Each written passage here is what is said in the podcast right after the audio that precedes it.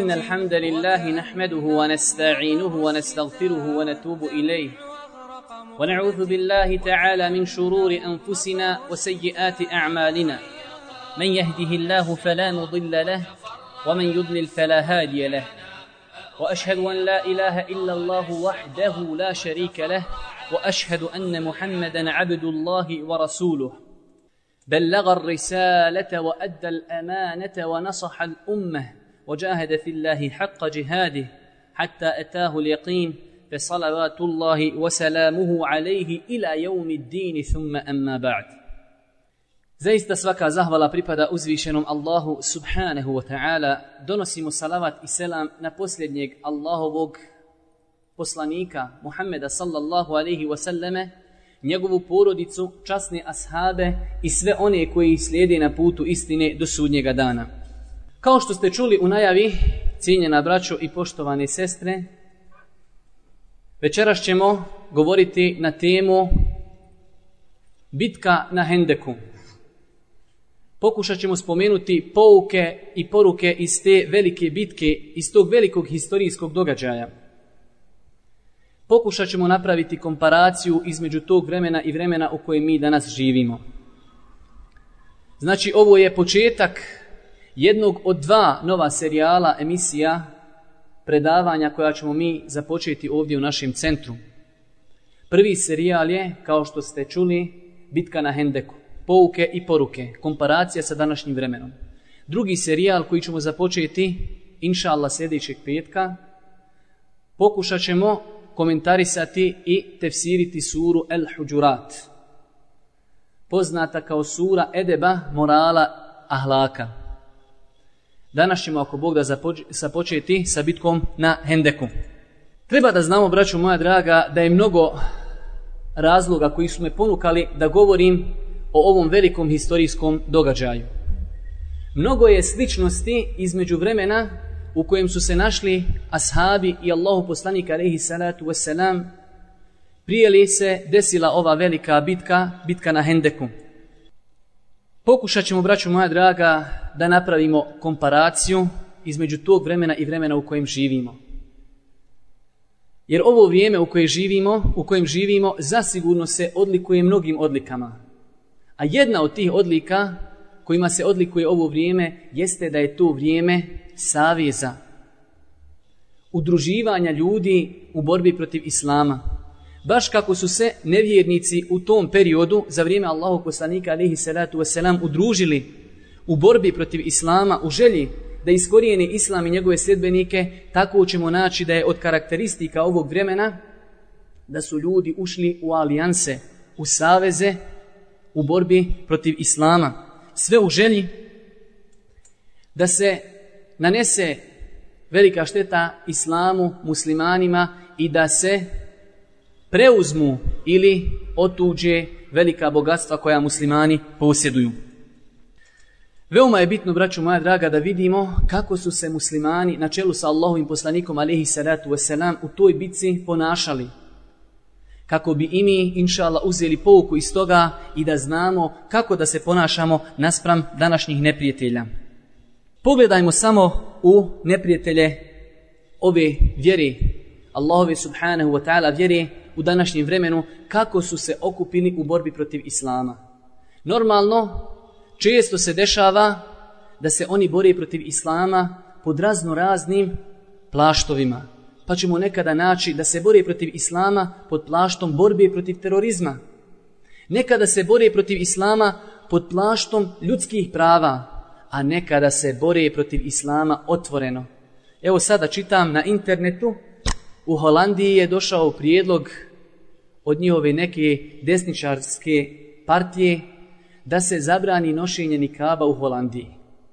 Otvoreno, bez imalo stida, smatraju da je to simbol ugnjetavanja žena. A ne smatraju da je simbol nemorala da čovjek hoda polugo, mislim na žene. To nije simbol nemorala, ali je simbol ugnjetavanja žena da žena nosi nikab. Nema smetnje da židov u Holandiji nosi crni šešir, da pusti kosu, da časni pod navodnim znacima sestre, nose se kako hoće, ali muslimani ne mogu da se nose kako hoće. To je samo, braću moja draga, jedan vid borbe protiv islama i protiv muslimana. Došlo je vrijeme, baš ono vrijeme, kako je naglasio Allahu poslanik alaihi salatu wasalam u vjerodostojnim hadisima, da će se neprijatelji islama okupiti u borbi protiv islama i protiv muslimana kao što se izjelice okup, okupljaju oko sofri. I baš, braću moja draga, došla su takva vremena da su se neprijatelji islama okupili oko zajedničkog im cilja borbe protiv islama kao što se izjelice okupljaju oko sofri. Pogledajte samo kako je providna ta njihova borba protiv islama. Naročito kada se bori protiv terorizma. Najbolje nam pos može posvjedočiti zato podatak koji je spomenula policija Evropske unije prije nekih mjesec dana, gdje su spomenuli da je u protekloj godini u Evropskoj uniji počinjeno 480 terorističkih napada, a samo su muslimani učestvovali u jednom napadu. A tolika hajka i toliki belaj oko islamskog terorizma. Svi ostali su mirni, mogu raditi šta hoće, koliko hoće, kako hoće. Samo muslimani su učestvovali u jednom napadu i protiv njih su pokrenute tolike medijske kampanje. Također ova bitka, braćo moja draga, karakteristična je po tome što su u njoj učestvovali židovi. Tako mi ćemo kroz ovu bitku da se upoznamo o nekim svojstvima kojima su opisani židovi. Da vidimo, braćo moja draga, kako su židovi u tom vremenu bili spremni kada im situacija bude odgovarala da prekinu svaki ugovor. Da poreknu ono što su kazali i što su obećali. Spremni su, braćo moja draga, na sve, samo kako bi nanijeli štetu islamu, kako bi nanijeli štetu muslimanima, kako bi nanijeli štetu onima koji slijedi Allahu poslanika alihi salatu wasalam. Iako i oni sami su bili obavezni i danas dan su obavezni da slijedi Allahu poslanika alihi salatu wasalam. Vidjet ćemo kako Allah subhanahu wa ta'ala opisuje da oni znaju Allahovog poslanika, da su ga znali kada se je pojavio bolje nego što su znali svoju djecu. Također, ova bitka je karakteristična po jednoj stvari, a to je da je to bilo iskušenje svim ljudima koji su tada živjeli u Medini i okolo Medini. To je bilo veliko iskušenje mu'minima. Normalno, to je bilo iskušenje i munaficima, iskušenje i židovima koji su tada živjeli u Medini. Tako, braću moja draga, i danas iskušenja koja pogađaju ummet, zasigurno su jedan vid pročišćavanja muslimanskih safova. Da se pokaže ko voli i ko radi za Allahu subhanahu wa ta'ala vjeru, a ko je njen neprijatelj. Također jedna veoma bitna stvar veže se za ovu bitku, jeste, braćo moja draga, da su ljudi u tom vremenu židove smatrali velikim učenjacima, pobožnjacima, zato što su oni radili po Tevratu, ehlul kitab. Ali vidjet ćete kako su kod ljudi pali kada su počeli izmjenjivati vjeru shodno situaciji. Tako ćemo danas, braću moja draga, naći neprijatelje Islama. Do prije možda godinu, dvije ili tri, oni su se krili pod plaštom demokratije i zaštite ljudskih prava a borili su se u stvarnosti protiv islama. Ali danas se razotkrilo sve to. Danas više nikome ne mogu soliti pamet da oni zagovaraju demokratiju. Gdje je demokratija u Iraku? Gdje je demokratija u Čečini? Gdje je demokratija u Bosni? Gdje je demokratija u Republici Srpskoj? Gdje je demokratija u Kašmiru? To je, braćo moja draga, samo plašt ispod kojeg su se oni sakrili u borbi protiv muslimana i islama. Prije nego što se slikom i tonom, ako Bog da, vratimo 1400 godina u našim mislima, u historiju, da spomenimo samo nekoliko koristi izučavanja Sirije. Jer veoma je bitno u ovom prvom našem druženju u kojem govorimo o bitki na Hendeku, da spomenimo neke ciljeve izučavanja Sirije kako bi, braću moja draga, ovaj ders i ovo predavanje dobio na svojoj težini.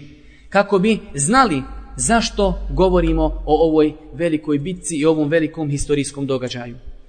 Prva stvar zbog kojeg bi čovjek musliman trebao da izučava siru Allahu poslanika alaihi salatu wasalam jeste pravilno svatanje i poimanje ličnosti Allahu poslanika alaihi salatu wasalam. Jedna veoma bitna stvar, a to je muslimani moraju doživljavati Allahu poslanika kao osobu koja je poslana od Allaha subhanahu wa ta'ala i moraju da budu spremni da mu se pokoravaju u onome što traži od njih i da ostavljaju ono što im zabranjuje. Nikako ne smiju gledati na Allahu poslanika samo da je on velikan i da je veliki historijski junak. Da, on jeste velikan i genije. Bio je genijalan u svemu, ali prije toga je bio Allahu poslanik. Neprijatelj ove vjere želi muslimane da navuku na tanak led, pa ćete vidjeti pisce, nevjernike, da stavljaju Allahu poslanika alihi salatu wasalam na čelo kolone velikana historije. Broj jedan, Allahu poslanik, Muhammed sallallahu alaihi wasallame.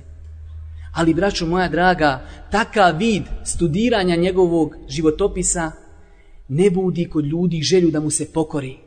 A mi moramo studirati siru Allahu poslanika s tog aspekta, da smo spremni da mu se pokorimo u svemu što traži od nas i da smo spremni da ostavimo sve što on zabranjuje.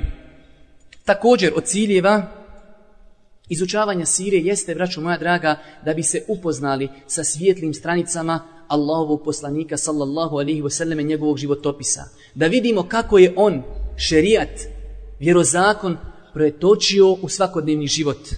Jer, braćo moja draga, Allah subhanahu wa ta'ala je znao da ljudi neće, neće prihvatiti šerijat osim ako vide čovjeka kako ga je pretočio u svom svakodnevnom životu.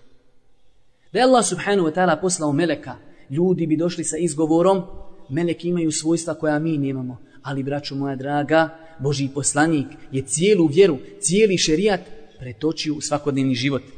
Također, od koristi izučavanja sire jeste i to da vidimo koliko je Allahu poslanik alaihi salatu wasalam truda, snage, materijalnih sredstava ulagao u radu za Allahu subhanahu wa ta'ala vjeru. Zašto to? Kada nam, braćo moja draga, oslabi iman. Kada posustamo u radu za Allahu subhanahu wa ta'ala vjeru, da se vratimo na siru Allahu poslanika, pa da vidimo kako je on trpio uvrede, kako je pješice odlazio u Taif, kako nije imao u 23 godine svog života jednog dana koji se smatrao neradni dan.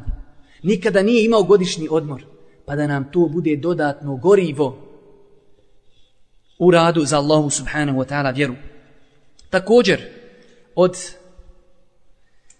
koristi izučavanja sire jeste i to da je to, braćo moja draga, živi komentar Kur'ana i sunneta. Tako čovjek koji izučaje siru, to će mu u mnogome pomoći razumijevanje i svatanje Kur'ana i sunneta. Jer život Allahovog poslanika alihi salatu wasalam je živi komentar općih kur'anskih ajeta ili općih hadisa koje je izrekao Allahu poslanik. I na kraju, jedna možda najbitnija korist od izučavanja sire jeste, braćo moja draga, da informacije koje čujemo ovdje pokušamo da ih pretočimo u svoj svakodnevni život. Ne treba, braćo moja draga, da nam bude cilj izučavanja sire, da znamo sutra kada nas neko na nekom kvizu upita gdje je Boži poslanik primio objavu, šta je uradio, kada je uradio, ko je uradio, da se mi javimo da dobijemo nagradu i završimo. Ne, cilj izučavanja sire Allahu poslanika alihi salatu wasalam jeste da te informacije koje čujemo, njegov ahlak, njegovo ponašanje, propise, sve braćo moja draga, da to pokušamo pretočiti u naš svakodnevni život. Jer, braćo, mora da znamo da je to bio razlog što su prve generacije uspjele. I zadnje generacije ovog ummeta ne može ih popraviti ništa, zasigurno, kao što je kazao Imam Malik, rahmetullahi alihi, zadnje generacije ovog ummeta ne može popraviti ništa osim ono što je popravilo prve generacije. Popravilo ih je šta? Pridržavanje za Kur'an i pridržavanje za sunnet Allahu poslanika alihi salatu wasalam. Napokon, da se pokušamo, ako Bog da, tonom i slikom vratiti u historiju 1400 godina u društvu sa Allahovim poslanikom alihi salatu wasalam i njegovim ashabima. Što se tiče vremena kada se odigrala ova velika bitka, po tom pitanju islamski historičari imaju više mišljenja. Apsolutna velika većina islamskih historičara smatra da se ova bitka odigrala pete hijđetske godine u mjesecu Šeuvalu. Ima oni historis, eh, historičara koji su smatrali da se odigrala u petoj godini, ali ne u Šeuvalu, i imamo oni koji su smatrali da se odigrala u četvrtoj godini po hijđri. Imam Ibnul Qajim, rahmetullahi alihi, u poznatoj knjizi koja je, vala Allahu, prevedena na bosanski jezik Sadul Ma'ad, kada govori o ovoj bitci, kaže, ispravno mišljenje je da se ova bitka odigrala u petoj godini po hijđri u mjesecu Šeuvalu. Pa je tu argumentovao da je bitka na Uhudu po jednoglasnom stavu islamskih historičara desila se u trećoj godini po Hidži u mjesecu Šeualu. Pa su se mušrici i muslimani u toj bitci dogovorili da se opet sukobe za godinu dana. To je četvrta godina. Pa je četvrta godina bila mnogo sušna, pa su otkazali taj susret, pa su onda ponovili taj dogovor pete godine po hijđi u mjesecu Šeualu. Na ovo mišljenje neki ljudi su prigovorili hadisom u Buhari i Muslimu od Ibnu Omara radijallahu ta'ala anhu. Hadis kojeg smo mi spominjali u zimskoj školi Islama kada smo govorili o znacima punoljetstva. Hadis u Buhari i Muslimu od Ibnu Omara radijallahu ta'ala anhu.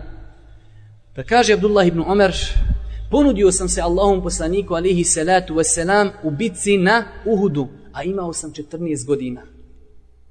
Pa me je odbio. Pa sam mu se ponudio u bitci na Hendeku, pa me je prihvatio, imao sam 15 godina. Iz ovog hadisa šta smo shvatili? Da je razlika između bitke na Uhudu i bitke na Hendeku jedna godina. Ali islamski učenjaci su dali odgovor na to. Na to je odgovorio poznati islamski učenjak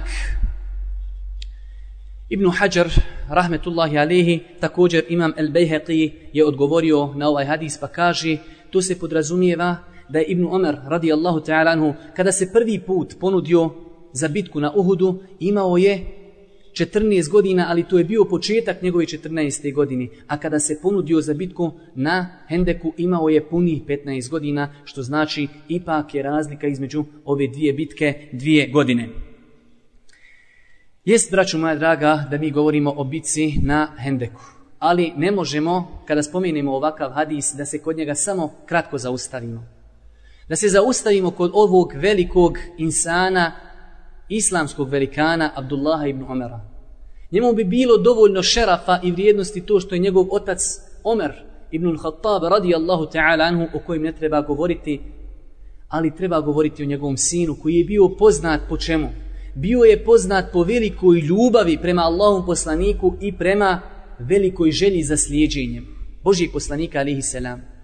Zašto ovdje, prije nego što smo spomenuli želju za slijedženjem, to je svima nama poznato, spominjemo ljubav prema Allahom poslaniku. Braćo moja draga, želja za slijedženjem poslanika mora doći kao plod ljubavi prema Allahom poslaniku, alihi salatu wasalam. I ljubav prema Allahom poslaniku je bila ta koja je njega učinila da žudi toliki, tolikom žudnjom da slijedi Allahom poslanika, alihi salatu wasalam. Pogledajte, braćo moja draga, tog velikana, od 14 godina, on se nudi dobrovoljno da ide u džihad. 14 godina. Allahu akbar. U nas u ratu ljude od 30 godina je vojna policija tjerala da idu na linije. A pogledajte ashabe. Od 14 godina sam dolazi i nudi se. Propinje se na prste da poslanik misli da je visok. I više od toga. Jednije prilike ga odbija. Ili kazao, elhamdulillah, ja sam pokušao. Sljedeća bitka, opet pokušaj dok nije uspio. Zašto? Želi da radi za Allahu vjeru. Želi da bude sa Allahovim poslanikom i na kraju krajeva želi da postigne ono što bi trebao svako od nas da priželjkuje. Želi da bude šehid na Allahom subhanahu wa ta'ala putu. Omladinci tog vremena, braću moja draga, poput ovog omladinca Abdullah ibn Omera, natjecali su se u ibadetu, natjecali su se u hrabrošću, natjecali su se u džihadu. A pogledajmo u čemu se natječe, braćo moja draga, naša omladina. Ti omladinci tog vremena imali su tako visoke ambicije. Imali su tako visoke ambicije da je Allah poslanik nekom od njih ko nije napunio 20 godina povjeravao da vodi vojsku. Vojsku u kojoj je bio Ebu Bekr i Omer radijallahu ta'ala anhu. Kao što se desilo sa Usamom ibn Zeidom. Zamislite, braću moja draga, Boži poslanik je povjerio u sami ibn Zejdu da vodi vojsku u kojoj su bili Ebu Bekr i Omer radijallahu ta'alanu, a nije bio napunio 20 godina. A pogledajte komparaciju tog stanja i stanja naše omladine.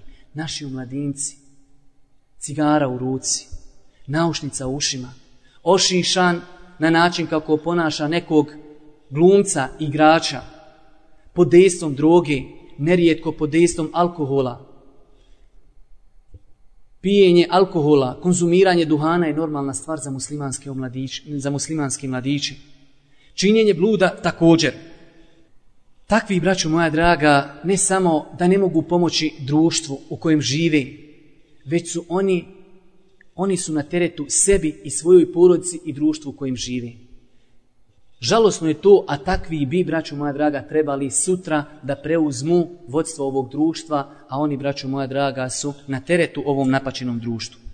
Što se tiče povoda bitke na Hendeku, islamski historičari navode kao povod ove velike bitke, ovog velikog historijskog događaja, to da je delegacija jednog od tri židovska plemena koje je živjelo u Medini, Benu Nadir, nakon što je Allahu poslanik alihi salatu wasalam protjerao iz Medine, zato što su prekršili ugovor, otišli su i stacionirali su se na Hajberu. I tada su počeli da kuju planove kako da se osvijete Allahom poslaniku alihi salatu wasalam i počeli su da razmišljaju kako da nađu saveznike koji će im pomoći da se riješe zajedničkog neprijatelja. Pa su došli na zamisao da je najbolji saveznik koji će im pomoći u tome ko?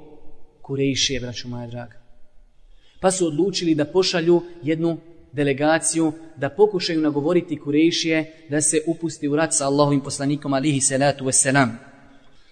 Imam Ibn Kathir, rahmetullahi alihi, prenosi predaju od Ibn Ishaqa, radija rahmetullahi alihi, poznatog islamskog historičara, koju je on zabilježio od Ibn Abbas radijallahu ta'ala anhu, u kojoj stoji da je ovo pleme, Benu Nadir, poslalo delegaciju od dvadesetak ljudi u Meku s ciljem da ponude Kurešijama savezništvo u borbi protiv Allahu poslanika alihi salatu wasalam. Pa su otišli uglednici tog plemena, najučeniji ljudi u tom plemenu i ponudili su Kurešijama savezništvo u borbi protiv Allahu poslanika alihi salatu wasalam. Obećali su da će i oni učestvovati u ratu zajedno sa Kurešijama. Pa su Kurešije pristale na to zato što su već odavno imali mnogi razmirice sa Allahovim poslanikom sallallahu alaihi wasallame, bitke ovaj rane koje su zadobili na bedru, još nisu bile dobro zacijelile. Također, nesigurnost puta njihovih karavana već im je dosadila. I to je mnogo ostavilo traga na njihovu ekonomsku situaciju pa su odlučili ponovo da se obračunaju sa Allahovim poslanikom alihi salatu wasalam. Pogledajte ovdje jedan veoma bitan moment.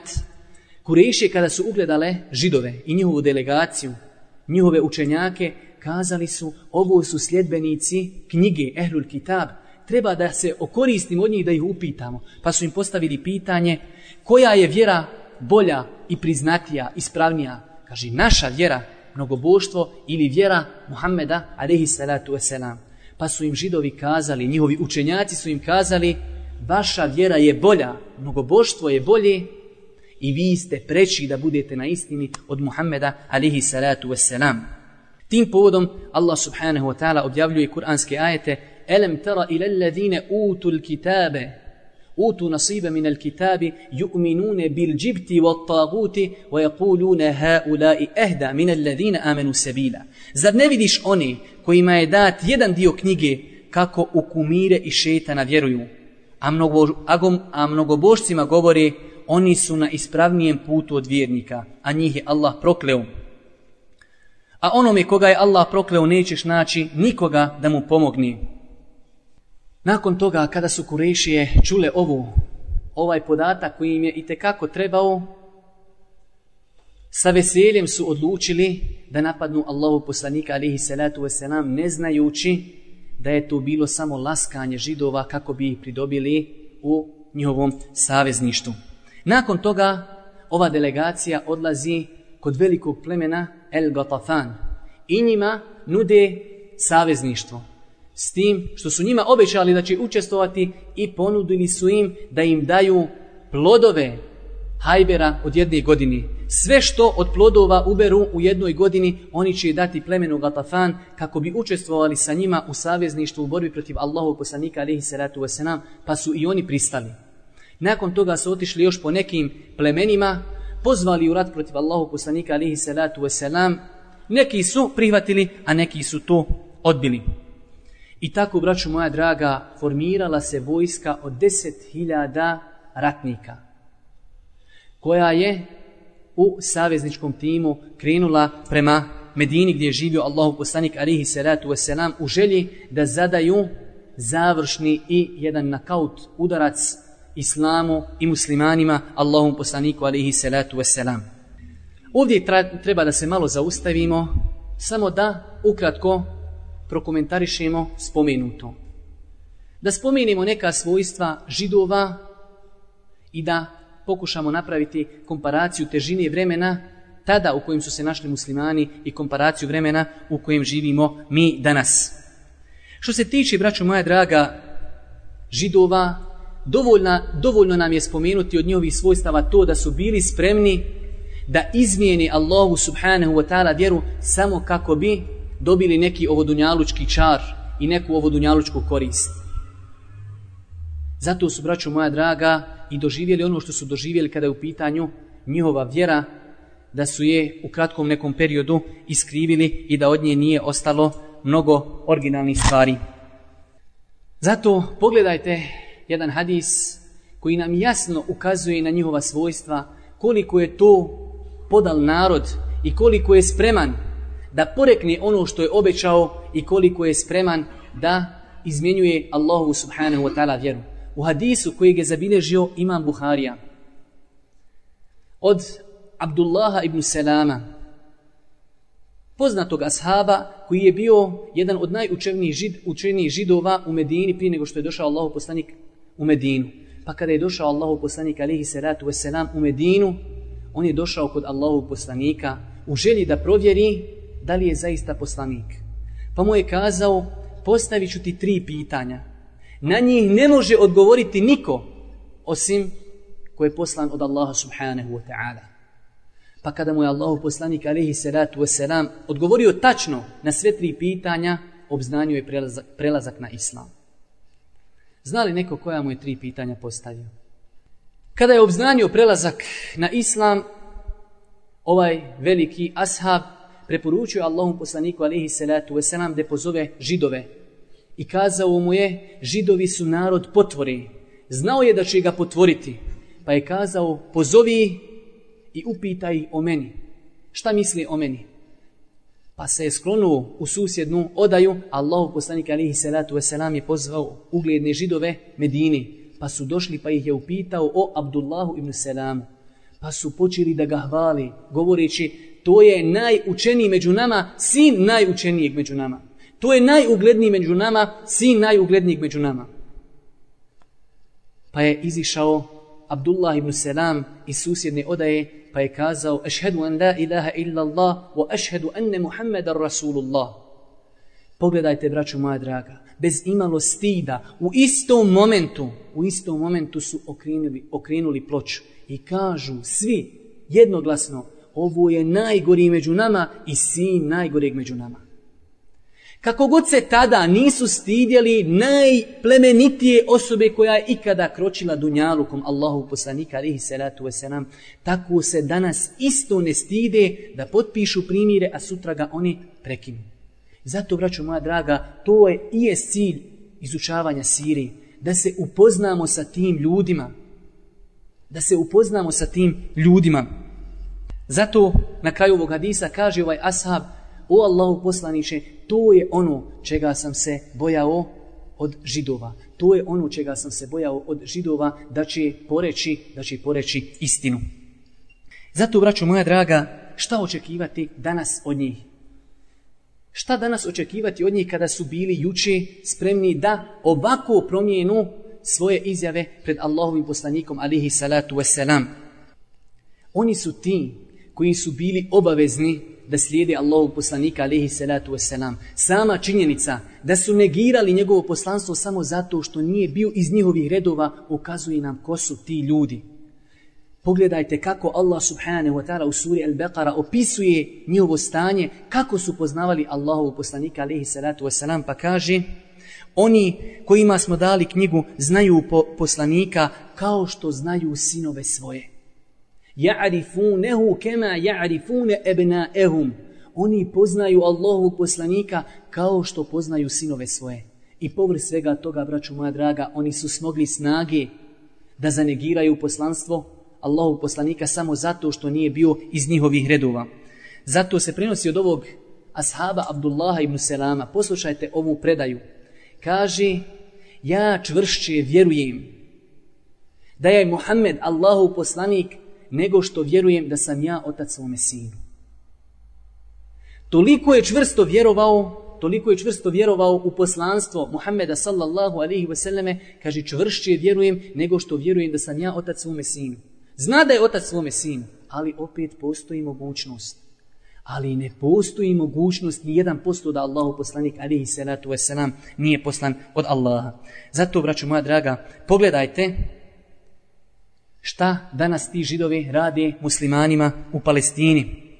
Zaboravili su da su i muslimani učinili toliko veliku uslugu kada im je Hitlerova Evropa postala tjesna, oni su ih prihvatili. Oni to njima zaboravljaju. Normalno, muslimana, insana, koji studira ovako studiozno siru Allahu poslanika alihi salatu wasalam, ne iznenađuje ga to što se dešava muslimanima u Palestini. Braćo moja draga, to iznenađuje, iznenađuje samo onoga ko ne poznaje njihovu stvarnost. Što se tiče stanja muslimana u tom periodu, zasigurno je u velikoj sličnosti sa onim u čemu mi danas živimo. Pogledajte samo kako se cijeli svijet okupio u jedan savez u borbi protiv muslimana i protiv islama. Zato je veoma bitno da se zaustavimo kod ove bitke i da vidimo kako se ponašao Allahu poslanik u svakom momentu u toj bitci, kako bi uzeli pouke, poruke i kako bi uzeli formule. A vidjet ćete, braćo moja draga, koliko je korisnih načina, kako se mi danas možemo koristiti od te bitke i kako se možemo oduprijeti neprijateljima Islama.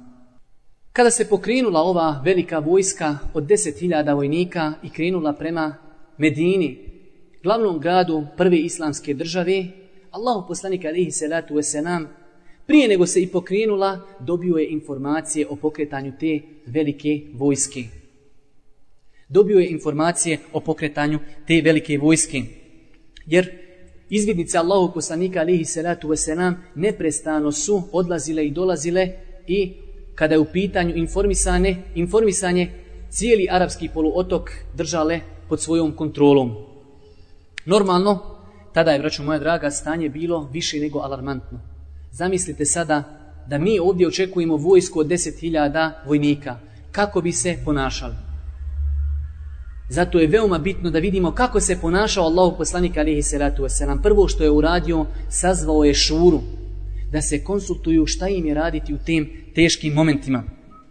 Nakon iscrpne analize i uzimanja u obzir svih argumenata i svih faktora, svih resursa kojim su raspolagali muslimani, donijeli su odluku da pokušaju da se zaštite od te velike mase koja je brojala 10.000 vojnika kopanjem hendeka oko Medini. Ovdje treba spomenuti jednu stvar, da skoro sve knjige historije navode podatak da je Selman el Farisi radi Allahu ta'ala anhu bio taj koji je predložio Allahom poslaniku kopanje hendeka. Ali ne postoji ni jedna vjerodostojna predaja koja ukazuje na to. S tim što je to zasigurno činjenica i treba je uzeti u obzir da do tada nije bio poznat takav vid ratovanja kod Arapa. To je prvi put u historiji Arapa da je neko koristio takav vid ratovanja. I zato kažemo da ta činjenica ide u prilog tome da je to prijedlog Selmana El Farisije, zato što je to bio način ratovanja poznat u njegovom narodu, pa je on to predložio Božim poslaniku, sallallahu alaihi wasallam. Što se tiče Medine, njenog geografskog položaja, Medina je sa istočne i zapadne strane zaštićena stijenama. Što se tiče njenog južnog dijela koji je okrenut u pravcu Mekke, on je zaštićen palmovicima i to je štitilo Medinu od jurišane neprijateljske vojske. Ostajao je samo sjeverni dio koji je trebalo zaštititi kopanjem kanala i hendeka. Prije nego što dođemo, ako Bog da slikom i tonom u taj hendek i kopanje hendeka, da se samo kratko zaustavimo i iz pomenutog uzmimo nekoliko velikih pouka i poruka. Prva stvar, veoma bitna stvar za nas u današnjem vremenu, pogledajte, braću moja draga, vojska prije nego se pokrenula iz Mekke, koja je tada bila i, i danas dan je 400 km daleko od Medini, Allahu poslanik alihi salatu wasalam je imao te informacije. Šta možemo, braću moja draga, da se okoristimo iz svega ovoga? Musliman čovjek treba da bude informisan. Treba da zna šta se dešava oko njega. Treba da zna šta se dešava u njegovoj državi, šta, šta se dešava u svijetu. Zašto? Da bi znao kako adekvatno da reaguje, da bi znao kako adekvatno da reaguje i blagovremeno da reaguje. Nekada se desi da bi čovjek znao kako da reaguje, ali je već okasnio. Zato čovjek treba da bude informisan da bi znao kako da reaguje i ovaj blagovremeno da reaguje. Što se tiče ljudi u današnjem vremenu po pitanju informisanja, sigurno se mogu podijeliti u tri skupine. Imamo skupinu ljudi koji svo svoje vrijeme, slobodno vrijeme, koriste, braću moja draga, u informisanju. Samo sjede i prate političke emisije, prate vijesti, prate, prate dnevnike. I tako na taj način oni zapostavljaju mnogo prava. Pa ćemo vidjeti da su zapostavili učenje Kur'ana. Da su, vidjet ćemo da su zapostavili dobrovoljne ibadete. Vidjet ćemo da su zapostavili svoju rodbinu. Zapostavili su prava svoje ženi, svoje djeci, zapostavili su misionarstvo, pozivanje u Allahu subhanahu wa ta'ala vjeru, a to sve s ciljem da budu informisani. informisani. Dobro je da čovjek bude informisan, ali ne u toj mjeri ali ne u toj mjeri. Imamo drugu krajnost, a to je da imamo ljude koje ništa ne interesuje. Kao da su s Marsa pali. Ne zna šta se dešava u susjednom gradu, a kamoli da zna šta se dešava u susjednom kontinentu. I to je, braćo moja draga, zasigurno jedna loša strana i koja može imati mnogo negativnih posljedica. Ja ću vam navesti jedan primjer, a volio bi da me ispravno shvatite. Sjetite se kada dođe ono famozno pitanje glasanja, glasanja, je li dozvoljeno ili nije dozvoljeno. Ja nemam ništa protiv toga da neko zastupa mišljenje da nije dozvoljeno glasati. Ali imam protiv toga da čovjek kaže sve jedno je ko će nam biti na vlasti, sve su te stranke iste. Šta je to plod? Plod da čovjek ne zna šta se dešava oko njega. Da čovjek nije svjestan kada je Lagunđija bio samo godinu dana da je odma alžirska grupa otišla za Guantanamo. Kako možemo porediti to sa stanjem koje sada imamo u Bosni? Ne falimo ni jedne ni druge, ali mora da budemo informisani kako bi znali ko je bolji, a ko je gori. Kada imadnemo potrebu da izaberemo boljeg od goreg, da znamo. A to ne možemo postići, vjerujte braćo, osim informisanja. Zato kažem, neinformisanje može imati katastrofalne greške po insana i po društvu u kojem živi. Ovo je samo jedan primjer, a vjerujte da je mnogo drugih primjera. Također, od koristi koje možemo uzeti iz spomenutog jeste da vidimo koliku veliku pažnju je Allahu poslanik alihi salatu wasalam posvećivao konsultovanju. Kada je saznao za ovu informaciju, prvo što je uradio, sazvao je šuru da se konsultuje kako da se ponašaju. Allahov poslanik kojim je dolazila objava iznad sedam nebesa, konsultuje ashabe. Braćo moja draga, to je stvar koja je i kako nama potrebna, a s druge strane i kako zapostavljena u svakodnevnom životu. Sjećate se da smo imali o tome predavanje koje smo naslovili mjesto konsultovanja u islamu. Spomenut ću samo jedan bitan detalj s tog predavanja, to je kada se konsultujemo, treba da se konsultujemo sa kompetentnom osobom za pitanje koje želimo da pitamo. Ako želiš da pričaš o autu, konsultuj automehaničara. Ako želiš da se konsultuješ o zdravlju, konsultuj doktora. Ako želiš da se konsultuješ o vjeri, konsultuj islamske učenjake. Samo to konsultovanje takvo će ako Bog da uroditi plodom koje se očekuje od konsultovanja.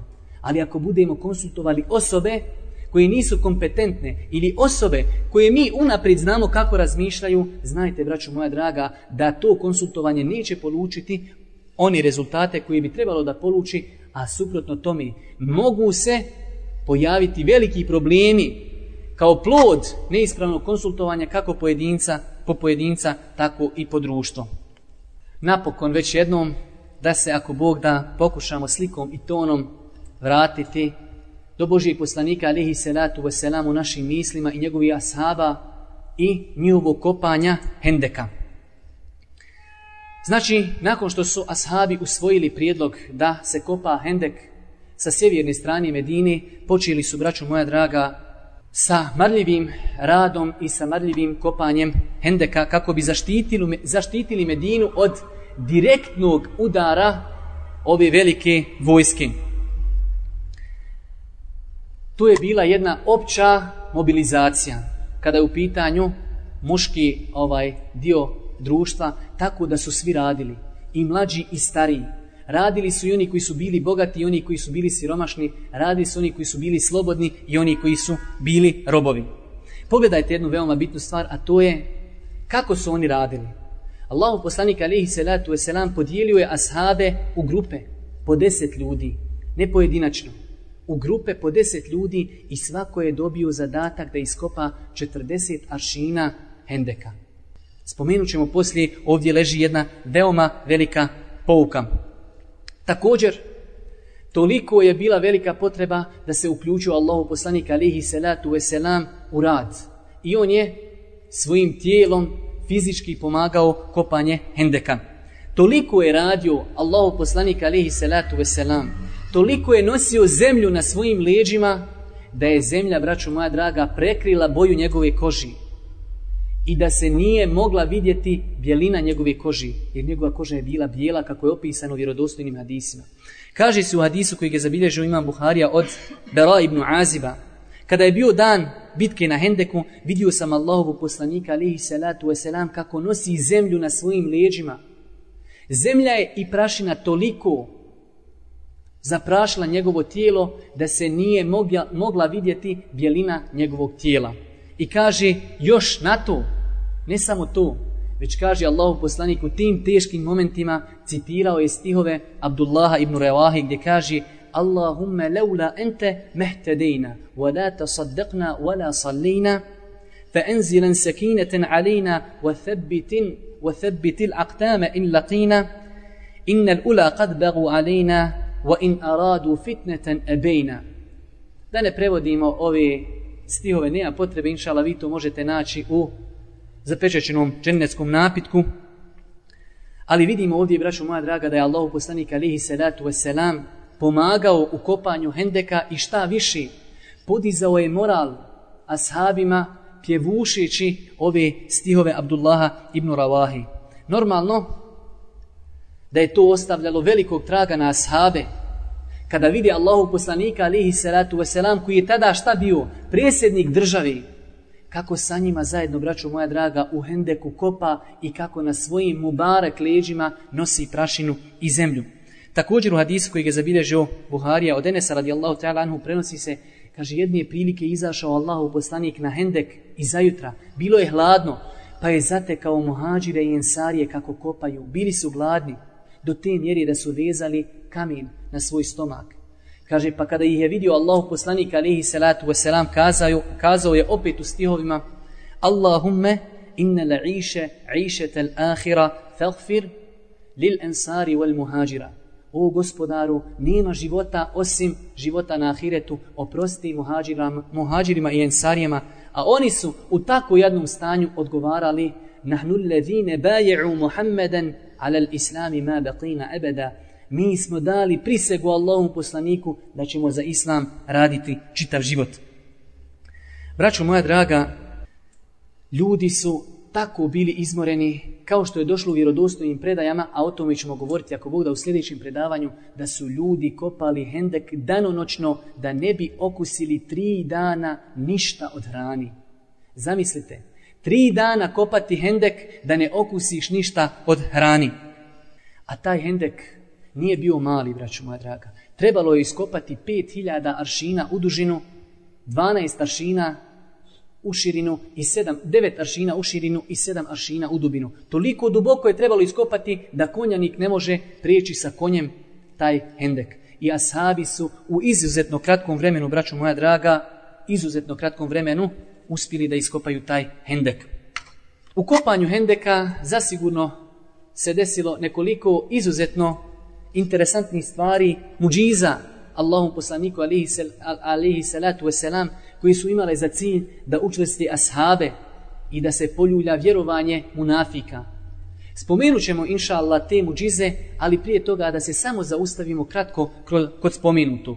Prva stvar, zamislite kada bi mi danas imali lidere koji su spremni da se spuste sa svojim narodom u hendek dnevnih problema i da zajedno sa njima kopaju taj dnevni hendek. Kako bi ljudi, braćo moja draga, imali morala da radi i za islam i kako bi imali morala da radi za ovo napačeno društvo. A pogledajte Allahu poslanika alihi salatu wasalam, koji je i kako koristio ovu metodu, mnogo je koristio u svakodnevnom životu, pozivanje ličnim primjerom.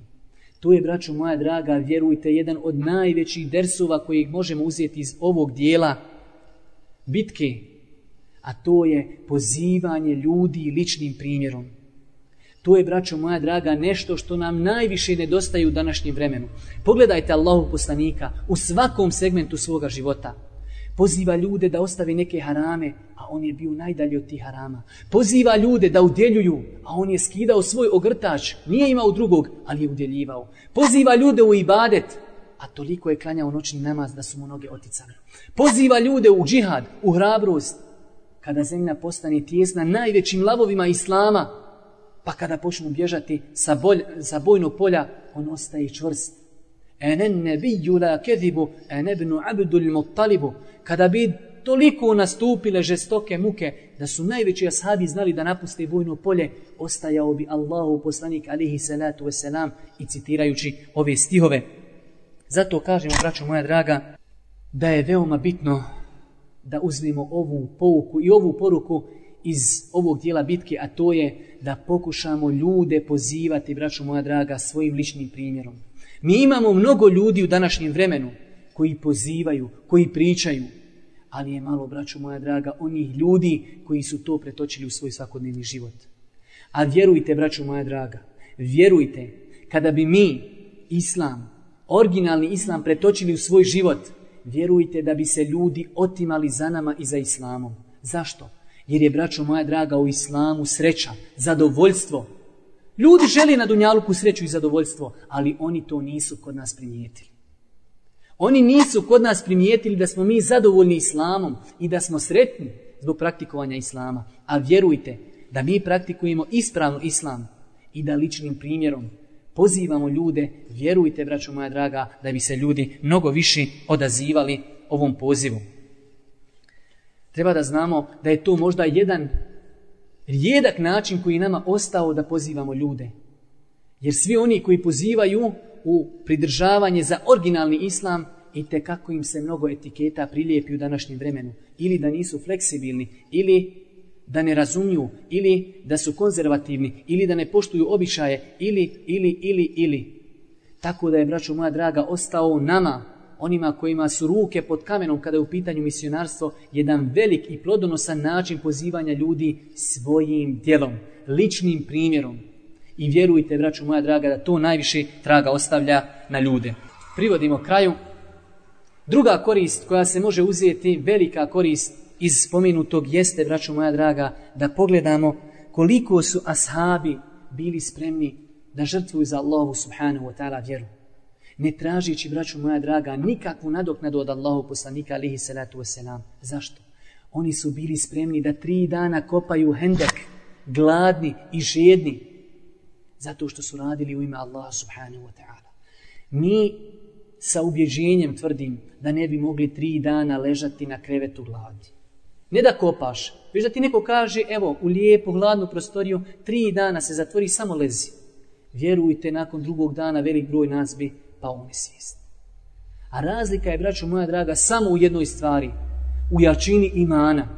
Oni su mogli izdržati sve to samo zato što je bio jači iman Njihov iman je bio jači od našeg imana.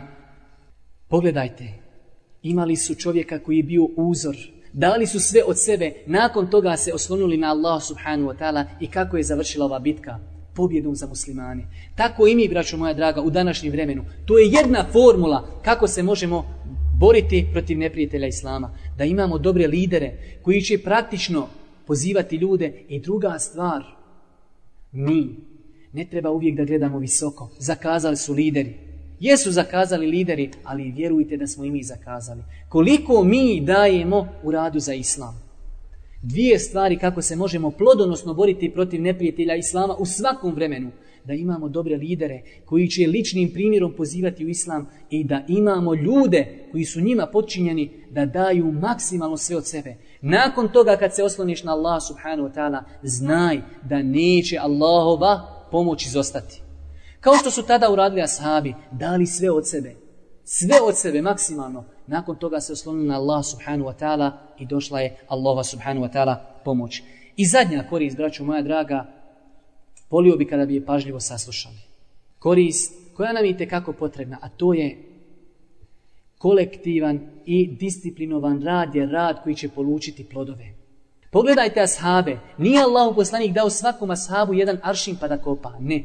Podijelio ih u grupe i disciplinovan rad. Danonoćan rad je polučio to da su uspjeli da iskopaju takav hendek koji se danas možda u današnjem vremenu sa ovom tehnologijom ne bi mogao iskopati. A oni su ga iskopali rukama bez skoro ikakvog halata. Kolektivan i disciplinovan rad. Mi, braćo moja draga, živimo u vremenu u kojem ljudi hoće sve osim kolektivnog i disciplinovanog rada. Sve hoću. Ja sam najpametniji. Ja najbolje znam. Meni ne treba niči iskustvo. Meni ne treba nikakav emir. Meni ne treba nikakav kolegi, kolegijalni rad. Ja hoću sam da radim. Ja sam najpametniji. A ovdje je jedna velika korist. Daj Bože kada bi samo iz ovoga uzeli ovu korist. A to je da ako hoćemo plodove iz našeg rada, mora da budemo spremni da radimo kolegijalno i disciplinovano. Vidjet ćete u sljedećem predavanju, kada budemo govorili o muđizama, kada Allah poslani kaže ljudima, uđite u kuću, jedite, pa polako izađite. To su ashabi, braću moja draga, iako tako gladni, oni su to poštovali. Zamislite nas, hiljedu, nismo tri dana ništa jeli. I kaže se, u toj i toj kući se dijeli hrana. Mi mi srušili tu kuću, Zbog nediscipline. Ali ashabi su imali disciplinu. Ashabi su znali raditi kolegijalno. To je, braću moja draga, nešto što nama danas nedostaje. Pogledajte da je žalosno da su to nevjernici shvatili. Mi znamo i mora da budemo ubjeđeni da nevjernici jedni druge mrze. Tahsebuhum džemi'an wa kulubuhum šetta. Ti misliš da su zajedno, ali su njihova srca razjedinjena.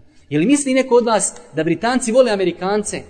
Kogod misli nek zna da je pogriješio, Ali oni se vole kad treba da se ujedine protiv muslimana. Oni su shvatili da pojedinačno ne mogu da se bore protiv islama, pa su ušli u savez. A muslimani nisu shvatili, a imaju pouku u životopisu Allahu poslanika alihi salatu wasalam, da se treba raditi kolegijalno, disciplinovano. Nevjernici su to shvatili, a muslimani su to zapostavili. Muslimani su to znali, ali su zapostavili. I to je dovelo do toga da imamo stranke. Pa svako tvrdi da je on u pravu. Danas imate ovi, imate oni i s kim god razgovaraš, samo je on u pravu. Svi ostali su 100% u baraletu. Baš kako Allah Đelešanu opisuje kullu hizbin bima ledehim ferihun. Svaka skupina zadovoljna, sretna sa onim što oni imaju. Samo je ono što smo mi u redu, a ostali su na balaletu.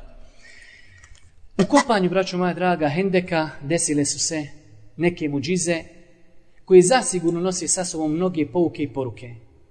Ako Bog da, mi ćemo te muđize početi spominjati u našem narednom predavanju, pa ako vas interesuje šta se dešavalo u daljem toku ove velike bitke, dođite ako Bog da sljedećeg petka na kraju Subhaneke Allahumma ve bihamdike, ešhedu en la ilaha illa ente, estagfiruke, wa etubu ilike.